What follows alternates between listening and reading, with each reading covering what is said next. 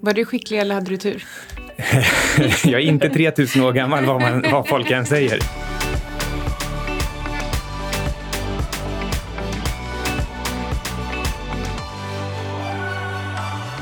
Hej och välkomna till Outsiders med en bonusintervju. Jag heter Anna Svan och bredvid mig har jag Micke Syding och mitt emot oss sitter Henrik Jönsson. Hej! Hej, kul att du är här. Jag hittade ju dig när jag var på Stockholm Fintech Week för eh, några månader sedan. Och jag var där väldigt, väldigt spontant faktiskt. Och så helt plötsligt så dyker du upp på scen och så pratar du om en robotrådgivare med en retailprodukt som egentligen låter ja, men vanliga privatsparare exponera sig mot olika tillgångsslag. Vilket jag som sitter med en eh, egentligen tillgångsallokeringsmodell mot råvaror tyckte var superintressant. Så de skickade ju ett mejl till dig och frågade om inte vi kunde ses. Så därför är du här. Men kan inte du berätta lite mer om dig och vad Better Wealth gör. För det första, tusen tack att eh, jag fick komma hit. Väldigt trevligt att vara med i Outsiders. Better Wealth är, eh, vad ska man säga, professionella investeringar online.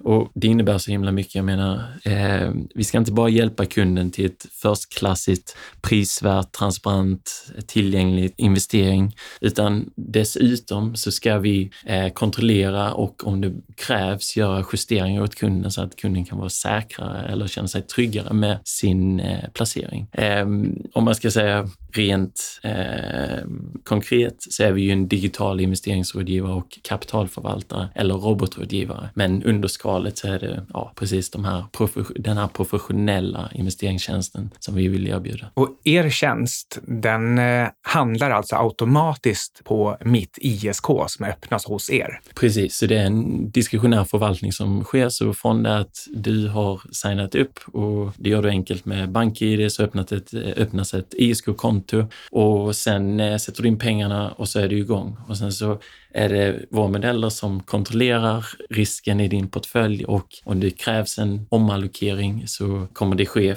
ja, allt för att eh, hålla en stabil risk och eh, ha en maximal riskspridning i alla marknadslägen kan man säga. Så när det väl är igång så behöver det inte, det är inte så att jag får ett råd per mejl eller någonting och ska behöva göra själva affärerna själv, utan det gör ni? Exakt, så allting sker helt automatiskt. Även om du kan, du kan alltid logga in och du ser alltid ditt innehav, hur det är investerat i 10 till 25 olika ETFer. Fullt transparent, du kan när som helst välja att ta ut dina pengar eller sätta in mer. Du kan sätta, in, sätta upp typ månadssparande och så vidare. Um, berätta lite om mig själv. Så jag, ja, vad ska man säga, jag är uppvuxen i nordöstra Skåne. Uh, Eh, på ett lantbruk och eh, sen så eh, studerade jag i Lund, pluggade industriell ekonomi eh, och sen så eh, pluggar pluggade jag lite i London på eh, London School of Economics där jag studerade ehm, matematisk finans eh, och eh, efter det så började jag jobba på Blackrock och jobbade där som risk och kvantanalytiker. Jobbar mycket med systematiska investeringsstrategier. Och sen så nu har det blivit så att jag är investeringsansvarig för eh, Betterwealth. Är du mest statistiker, mest programmerare eller mest eh, finanskille och investerare? Jag skulle nog... Oh, Eh, bra fråga. Jag är nog mest eh, statistiker, skulle jag säga. Och nu särskilt, eh, jag vet inte om man ska säga eh, nu med maskininlärning och sånt här, så jag tycker det är superspännande med allt som har med ja, matte, statistik och särskilt när det kommer inom investeringar. Um, Hur kommer det sig att ni startade bolaget? Eh, så det är egentligen en kombination av eh, grundarna. Eh, så att för det första så har vi eh, jag då som precis jobbat mycket med systematiska investeringsstrategier hos Blackrock, eh, mycket fokus på risk. Eh, vi har David som tidigare jobbat med investeringsstrategier för private banking-kunder hos Danske Bank. sen har vi Martin som faktiskt fortfarande är heltidsforskare vid Oxfords universitet inom maskininlärning. Eh, och sen slut, eh, sist men inte minst har vi Andreas som är vår CTO som är eh, eh ja, vår eh, utvecklare. Tidigare jobbat på Sony Ericsson som mer eller mindre kunde knyta ihop allting och skapa Betterwealth. Anledningen till att vi startade Betterwealth är att vi vill eh, demokratisera eh, professionella investeringar. Vi tycker det, det ska inte behövas att du har 100 miljoner eller mer för att du ska få en riktig professionell investeringstjänst. Vad är det som eh, skiljer Betterwealth från andra robotrådgivare då? Alltså förutom det att ni eh, använder även andra tillgångslag än aktier? Ja, det är flera grejer skulle jag säga. Jag menar, Wealth är professionella investeringar online och det är, så vi är en digital investeringsrådgivare och kapitalförvaltare. Så det betyder delvis att när du kommer till oss så ska du få ett personligt anpassat investeringsförslag eh, som är anpassat efter din ekonomiska situation. Sen är det då när det kommer till själva investeringen, när, så precis som ni säger, så investerar i flera olika tillgångsklasser. Vi sprider riskerna i 10 till 25 olika börshandlade fonder med exponering till aktier i både utvecklade och tillväxtländer. Vi har räntor och sen så råvaror lite alternativa. Ehm, men vi slutar inte bara där, utan därefter, jag menar marknaden ändras hela tiden och ehm, när den ändras, ändras tillräckligt mycket så krävs det ofta att man gör någonting i sin eh, portfölj. Och där är grejen att det gör vi åt kunden så vi ser till att man hela tiden har en optimal riskspridning. Ehm, man kan säga att man får se till att kunden får betalt för den risken som kunden tar med sin investering. Ja, för ni har dynamiska portföljer, står det. Och vad, vad egentligen menar ni med det? Så dynamiska portföljer, det menar vi med att Klassiskt så eh, om du pratar med en investeringsrådgivare så får du en allokering mellan, traditionellt så är det bara mellan aktier och räntor och det kan vara till exempel 50-50 och sen så är den fast för all framtid oavsett vad som händer i framtiden. Jag menar, skulle vi komma in i en stressad marknad just nu, det är större risk för en eh, stor börskrasch, så kommer du ändå ha kvar den här fasta allokeringen.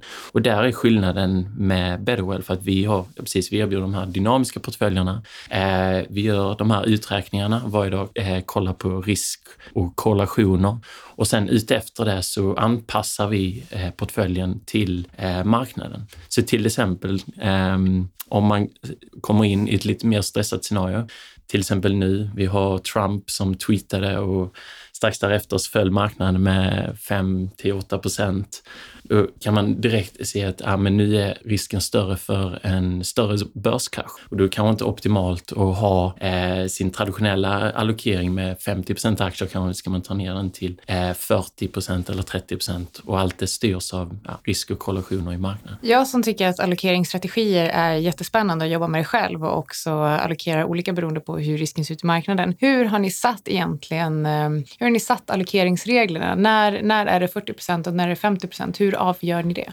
Så egentligen när, när du kommer till oss eh, på betterwell.se så eh, svarar du på några frågor och utefter det så gör vi en riskbedömning av kunden och mm, eh, allting resulterar egentligen i en målrisk eh, och den kan vara till, vi eh, har valt att använda value at risk som målrisken för dig till exempel Anna skulle vara 20 procent. Eh, utefter det så bestämmer du allokeringen, hur du ska allokera mellan aktier, räntor, råvaror och alternativa.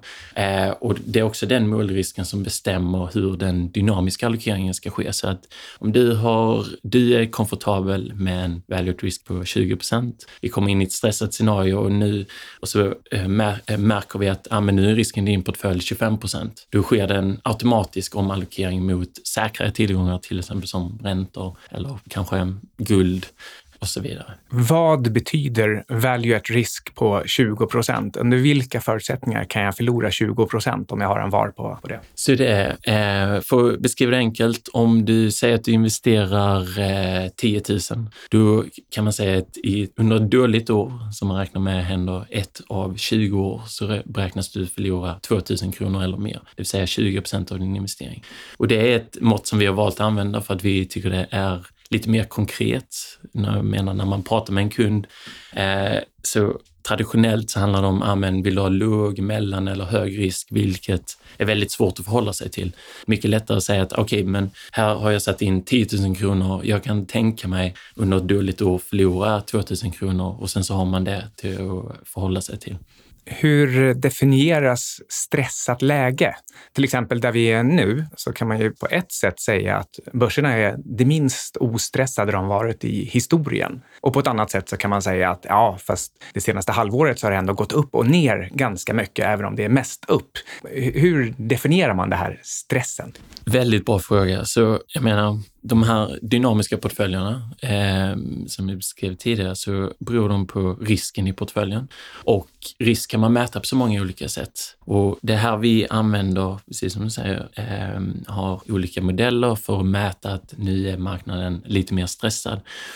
Och det är egentligen flera olika parametrar som bestämmer det. Eh, det kan vara till exempel volatiliteten i eh, marknaden. Det kan vara korrelationer mellan olika tillgångsklasser. Ser man att korrelationen mellan aktier i utvecklade och i tillväxtländer ökar så kan det vara en signal på att nu är risken lite, lite högre. Vi har en inverterad räntekurva, till exempel eh, om jag minns rätt 22 mars så eh, inverterade räntekurvan i USA så att den korta räntan var högre än den långa tioåriga räntan i USA. Det är också en klassisk indikator på att ja, men nu är marknaden eller risken för en börskrasch lite större.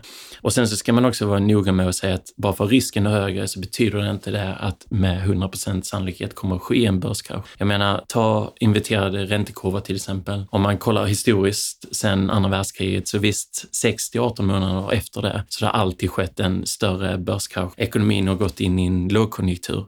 Men bara för att det har skett historiskt så betyder det inte att det kommer ske framöver, utan man kan bara säga att risken är större att vi kommer gå in i en lågkonjunktur och att vi kommer se en större börskrasch. Vem har valt själva de här olika parametrarna? Till exempel att välja inverterad yieldkurva eh, och dessutom att definiera den som just tre månader mot tio år? Vem, vem är det som väljer allt det här? Det är precis här som eh, lägger mycket fokus. Så vi, eh, det är här vi applicerar maskininlärning. Så mer eller mindre vad vi gör är att vi kollar på ett hundratal olika ekonomiska och finansiella tidsserier. Och sen så använder man de här smartare, lite, eh, nyare algoritmerna för att bestämma just ja, men vilka är viktiga att kolla på.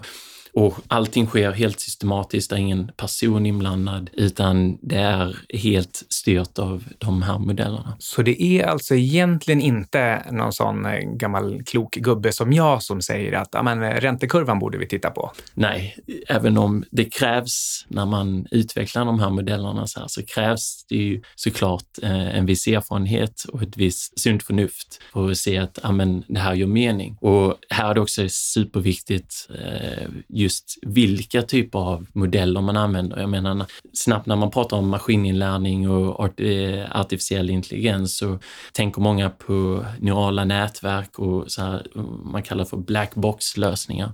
Och det är väldigt, väldigt sällan ett, eh, ett bra medel att använda inom finans. Just av den anledningen att man förstår inte vad som händer.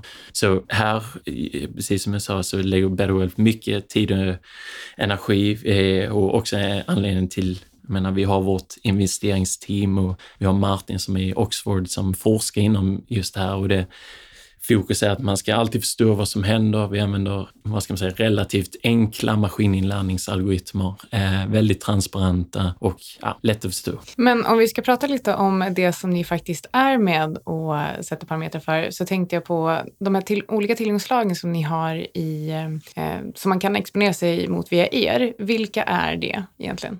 Precis, så att beroende på eh, kundens målrisk så kommer eh, dina pengar investeras i framförallt aktier och räntor, men sen också råvaror och lite alternativa investeringar.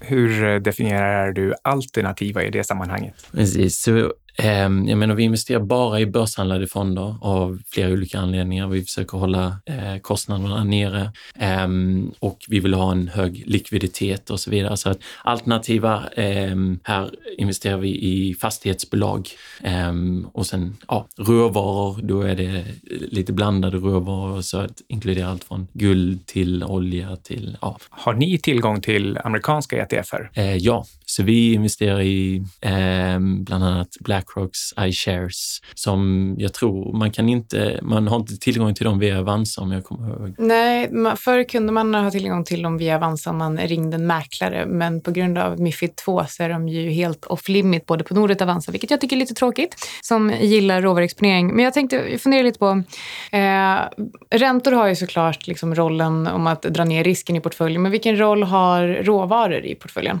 Um, så målet med hela investeringen, det är, vad ska man säga, det är alltid att du ska ha så hög diversifiering eller riskspridning i din portfölj som möjligt. Och visst, det ändras över tid och eh, vilket är anledningen till att man ibland behöver ändra om sin allokering. Och anledningen till att vi har råvaror, eh, till exempel i vår portfölj, är just för att det ökar diversifieringen. Jag gjorde faktiskt ett eh, experiment, eller om man ska kalla det så, men jämförde under de senaste 20 åren om du har en portfölj som bara innehåller innehåller 100% aktier mot en portfölj som innehåller eh, aktier, räntor och eh, råvaror. Och sen så kollar du på, okej, okay, men hur har den, de här två portföljerna eh, betett sig under till exempel finanskrisen? Vad har de levererat för riskjusterad avkastning?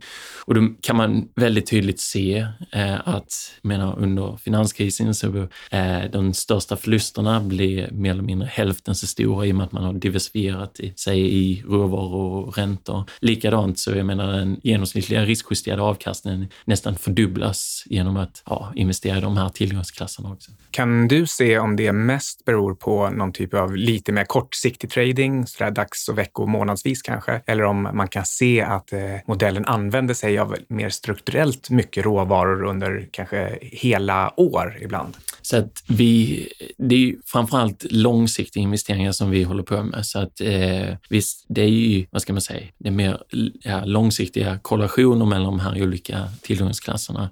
Sen ska man ju säga, liksom, där finns ju eh, perioder i historien när råvaror till exempel har visat sig väldigt fördelaktiga. Jag menar till exempel Taper Tantrum 2013, aktier och räntor eh, blir superkorrelerade och helt plötsligt var råvaror liksom det bästa sättet att diversifiera sig.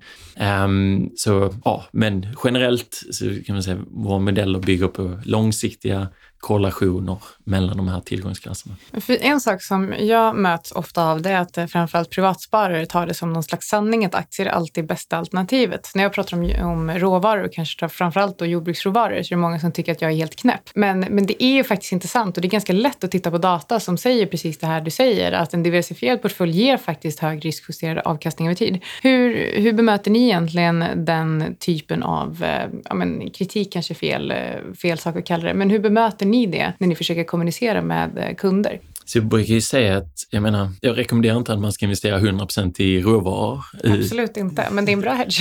det är en bra hedge, exakt. Så att, vad ska man säga, generellt 10 till 15, 20 procent av portföljen tycker jag borde eh, bestå av råvaror. Och det är, ja, precis som jag säger, jag menar, då har du långsiktigt så har du bättre förutsättningar till att ja, minska risken för de här stora förlusterna och leverera högre riskjusterad avkastning över tid. Det är bara att titta på Ray all weather portfolio. Eh, jag menar, han, det har inte gått eh, så bra för honom för att han har eh, exkluderat råvaror direkt, utan det har ju verkligen varit ett vinnande koncept. Och jag tycker att det är lite märkligt att inte fler tar efter det här. Men jag antar också att det kanske handlar om att många vill förenkla sättet man investerar på därmed känner eller tror att det är lättare att investera i aktier än att investera i flera tillgångsslag. Men då är ju er produkt eh, verkligen lämplig för den typen av investerare som inte vill behöva liksom analysera den, den typen av tillgångar själv. Kan du gissa i dagsläget, jag menar, du, du, vi pratar om det här med neurala nätverk och man kan göra dem på olika djup så att man till slut inte har en aning om vad modellen egentligen bygger på.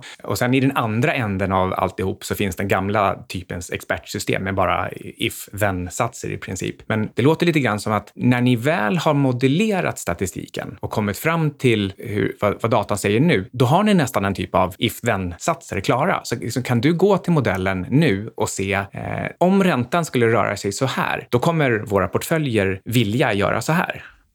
In, intressant fråga, för att eh, inne på ett eh, väldigt intressant område för att eh, precis när det kommer till sådana här modeller och det är också mycket forskning eh, ligger just inom detta området. Jag själv jobbar mycket med det på Blackrock, att man vill gärna att modellen ska anpassa sig efter marknaden. Jag menar, de faktorerna som spelar roll idag kanske inte är samma faktorer som spelar roll för eh, två år sedan, fem år sedan eller tio år sedan. Och det är precis där också som man kan se att, amen, Ehm, eller det är precis där man kan använda de här modellerna till att ja, men hitta vilka faktorer är viktiga att kolla på idag. Vilka faktorer kan man se att de här har en direkt inverkan på risken i marknaden? Och det är någonting som, jag menar, visst som eh, individ kan man säkert hålla koll på, jag vet inte, fem, tio stycken, men eh, när du börjar prata om hundra olika eh, indikatorer och hur de eh, rör sig eller samvariationen mellan dem, då blir det genast eh, lite väl komplext och det är väl här vi använder ja, maskininlärning för att göra detta på ett lite bättre sätt.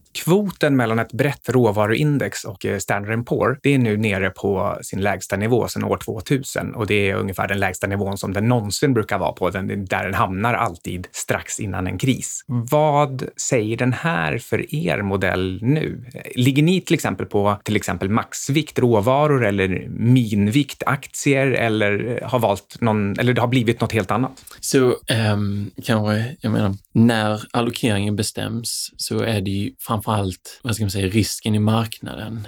Um, så det är väldigt, det är ingen, vad ska man säga, en alfa-jagare eh, som försöker hitta individuella tillgångsklasser, utan målet är hela tiden att det ska vara en ja, stabil risk i portföljen och en eh, hög eh, riskspridning. Så att precis som du säger, du kommer, eh, där vissa indikatorer kan peka på att ah, men, råvaror är väldigt undervärderade och börja, borde börja investera mer i dem. Så fungerar inte vår modell, utan den fungerar snarare att okej, okay, eh, kollationsmöjligheterna i, genom att investera i, eh, i råvaror är väldigt goda, eller riskspridningsmöjligheterna och därför borde vi allokera lite mer till ja, råvaror. Jag antar att det här ligger helt utanför modellen, men man kan ju tänka sig olika typer av teman också, där ett tema kan vara hög eller lågvärderade aktier. Ett annat tema kan vara teknik kontra fastigheter eller ja, du, du förstår lite vad jag är ute efter. Använder ni någon sån typ av ETF att till exempel inom ett tillgångslag som aktier också eh, eh välja risk? Precis, så eh, exakt. Vi har de stora tillgångsklasserna, alltså aktier, räntor, råvaror och eh, alternativa. Och sen så inom eh, aktier har vi också till exempel valt att sprida riskerna så mycket som möjligt. Så att jag menar, visst, du har dem sprider dem globalt, så du har europeiska, svenska, eh, japanska, amerikanska och så vidare. Men sen så investerar vi även i lite här smart beta eh, ETFer. Så till exempel aktier som historiskt har haft lägre volatilitet eller aktier som har högre kvalitet. Um, ja, så eh, allting för att höja riskspridningen i portföljen. Vi pratade ganska precis nyligen om det här med att man som vanlig investerare eller liksom som en människa kanske kan ha koll på fem till tio olika indikatorer men att man via maskininlärning och AI kan, eh, kan läsa av mycket mer data. Tror du att den här typen av förvaltning, om man ska bara fundera på typ liten trendspaning, kommer ta över, eh, kommer ta över all typ av förvaltning i framtiden? Eller tror du att det kommer sitta mycket Sydingar kvar eh, även om eh, 10-20 år? Ja, eh, bra fråga. Jag menar, när jag jobbade på Blackrock så märkte man särskilt under de senaste två åren liksom hur maskininlärning börjar appliceras lite här och var i investeringsprocessen. Grejen är att man ska komma ihåg att det, kommer, det är nog väldigt, väldigt långt till att det ersätter allting. Vad man, när man använder maskininlärning så är det just, jag ska säga, delar av investeringsprocessen och eh, jag själv och eh, vad ska man säga, trenden är väl mer att man ska kombinera, kombinera de två. Jag menar, det kommer alltid krävas eh, erfarenhet, du kommer alltid behöva ett sunt förnuft och ha erfarenhet av marknaden för att kunna avgöra, ja, eh, gör detta mening? För att bara lita 100% på en algoritm som sköter allting. Där, även om det finns sådana eh, fonder som gör det, så jag tror det kommer ta lång tid innan de traditionella, fundamentala investerarna försvinner helt. Jag kan försöka mig på två gissningar som går precis åt eh, motsatt håll. Den ena är att om man statistiskt ska försöka se huruvida en förvaltare är duktig eller har tur, då behöver man kanske egentligen 3000 års erfarenhet för att veta om det var verkligen skicklighet eller inte. Var du skicklig eller hade du tur? jag är inte 3000 år gammal vad, man, vad folk än säger. Men på den andra sidan, som arbetsgivare, då är det ju mycket, mycket lättare att ha algoritmer anställda som du vet precis varför de gjorde fel när de gjorde fel. Och då kan du avskeda dem, avskeda dem eller förbättra dem. Två saker som båda två är väldigt svåra att göra med människor. Så äh, jag vet inte. Är det maskininlärning dessutom så lär sig algoritmerna av sina egna misstag så att då är det problemet löst ändå. Så då är varje ja. misstag ett liksom bra steg på väg. Ja, min poäng i alla fall är att jag, jag tror verkligen att det, det, är robotrådgivning och maskiner och algoritmer som eh, sakta men säkert kommer tugga i sig precis hela investeringsmarknaden. Jag får byta karriärväg då kanske. Men för ni har ju, ni har lite olika, eh, olika typer av portföljer, eller hur? Beroende på vad. Vi bara gå igenom vilka det är och vad de gör. Ja, um, så eh, precis när man, eh, när man blir kund och eh, så får man ett anpassat investeringsförslag och då eh, eh, har vi en, en del, vad ska man säga, olika investeringsstrategier. Vi har till exempel en buffert som har en viss målrisk som är lite lägre. Men här meningen att där ska du placera dina pengar så om ifall någonting oväntat skulle hända hända ska du lätt kunna använda de här pengarna så att där är risken lite lägre. Sen så har du en pension, så jag menar om det är 20, 30, 40 år till du pensionerar dig så är det ju eh, fördelaktigt att ta lite mer risk idag och sen så ska man trappa ner den risken över tid så att ju närmare du kommer till din pension, vad ska man säga, ju större är sannolikheten att du faktiskt har några pengar när du pensionerar dig. Um, men generellt kan man säga att vi har eh, ja, en, eh, en rad av olika eh, riskkategorier beroende på hur mycket risk kunden är villig att ta med sin investering. Hur ser skattesituationen ut? Kan man ha det här i sin ISK? Så att eh, när du blir kund så öppnas ett ISK-konto automatiskt hos oss. Men vi, är, ja, vi står under Finansinspektionens tillsyn. det, det gäller vad heter det, insättningsgarantin och investerarskyddet gäller och eh, ja, allt det sker automatiskt. Går det att använda er tjänst via PPM? Jag misstänker att det inte går. Inte ännu. Vi, vi håller på att eh, kolla på det, men eh, vi är inte riktigt där ännu. Okej, okay, det var faktiskt intressant. Vad, vad säger myndigheterna så långt? För jag misstänker att det, det, är lite svårt för dem att säga någonting om en fond som inte är, den är liksom inte, den existerar liksom inte. Precis, att det ska man komma ihåg att vi är, vi är ingen fond, utan när du investerar så är det du som privatperson som äger alla eh, underliggande tillgångar. Så jag menar, blir du kund så kommer du se att du äger ja, 10 till 25 olika ETFer i din portfölj. Så ja, precis av den anledningen är det lite svårt att vi, i och med att vi inte har paketerat det som en fond. Men låter det, alltså finns det en konstruktiv dialog där myndigheterna faktiskt kan på något sätt förstå att ja, men det är ingen skillnad på en, en förvaltare som har dina pengar hos sig och en, en robot som självständigt handlar på ditt konto? Bra fråga. Ja, det är nog lite utanför mitt expertområde. Vi, eh, jag vet att det är sådana konversationer, men eh, eh, och jag vet att vi försöker driva dem framåt. Så förhoppningsvis i framtiden så kommer, kommer vi också kunna ta oss in på det här systemet.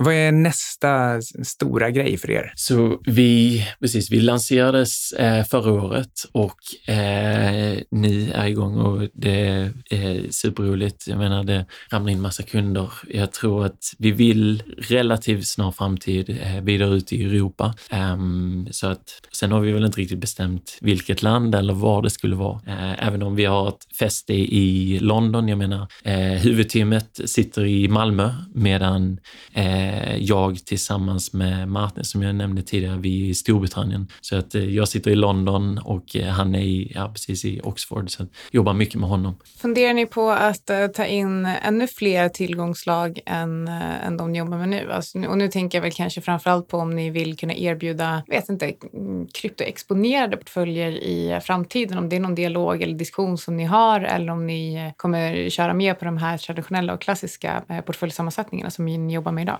Vi har kollat på det. Jag menar, vi, vi har väl satt lite regler att vi bara ska investera i börshandlade fonder just av ja, alla positiva egenskaper som de har som hög likviditet och låg kostnad. Så här. Sen så menar jag, vi har ju en, en, vad ska man säga, en process när vi väljer ut vilka investeringar för att finns det goda diversifieringsmöjligheter genom att investera i kryptovalutor så är det ju klart att då borde man eh, i alla fall fundera på att ta in det i portföljen. Men eh, prioritet är fortfarande att det ska vara en ja, hög likviditet. Du ska känna att du ska kunna ta ut dina pengar också eh, om, om, du, om du känner att du måste sälja. Så att, eh, ja, vi får se. Kanske i framtiden. Jag funderade lite grann på det här value at risk-konceptet. Om jag som kund säger att jag kan acceptera 20 procent, så då säger du att eh, ja, men rent statistiskt så handlar det här ungefär om att man var 20 år så ska det kunna inträffa någonting som ger mig den här förlusten. Men hur ofta inträffar det här året? Jag misstänker att det inte ens är en gång på hundra, för man prickar liksom inte det där en gång på 20. Liksom antingen så går det ner så att du förlorar 40 procent eller så går det ner mellan, ja, någonstans ovanför det sanningen är, alltså när det kommer till investeringar, man kan inte säga någonting i framtiden. Ingen vet om marknaden kommer gå upp med 20 procent eller 30 procent eller om den kommer falla med 30 procent eh, nästa halvår. Men däremot så kan man säga någonting om risken. Så jag menar, och man har olika modeller för att mäta risken och eh, eh visst, sen finns det ingen garanti på att ah, men den här portföljen kommer att tappa så här mycket eller du har den här potentialen till att leverera den här avkastningen, utan det enda man kan göra är ja, ja, försöka hålla en stabil risk över tid. Finns det någon hänsyn till underliggande värden? Om, eh, om det är som jag, som gärna tittar på vad bolagen faktiskt är värda, eh, då kan det vara så att om, om börsen faller med 90 procent och vi hamnar i ett läge där det faktiskt är så att alla bolag handlas under sin egen nettokassa. Det skulle kunna vara så, så att det ligger pengar på gatan. Men det är ingen som kan köpa de här aktierna för, för alla sitter och kämpar med sina bolån. Om den situationen inträffar, då ska man egentligen ta lån och så ska man köpa så mycket det bara går i börsen, ligga långt överviktad. Men det finns nästan inga modeller som skulle kunna eller våga göra det, för de skulle klassa det som en högriskmarknad. Finns det några element som tar hänsyn till det här hos er? Inte direkt, ska jag säga. Menar, alltså, vi investerar ju bara i breda index. Så att när vi säger att ah, vi ska investera i amerikanska aktier så är det S&P 500, så det är alla 500 olika bolag. Så att den specifika risken eh, tar inte vi med våra investeringar, utan det, ja, det ska vara så maximalt diversifierat som det bara Säg så här istället, då, lite mer praktiskt. Du kanske till och med vet vad er portfölj, hur den valde att, eh, att vikta aktier, låt oss säga mellan mellan halvårsskiftet 08, halvårsskiftet 09.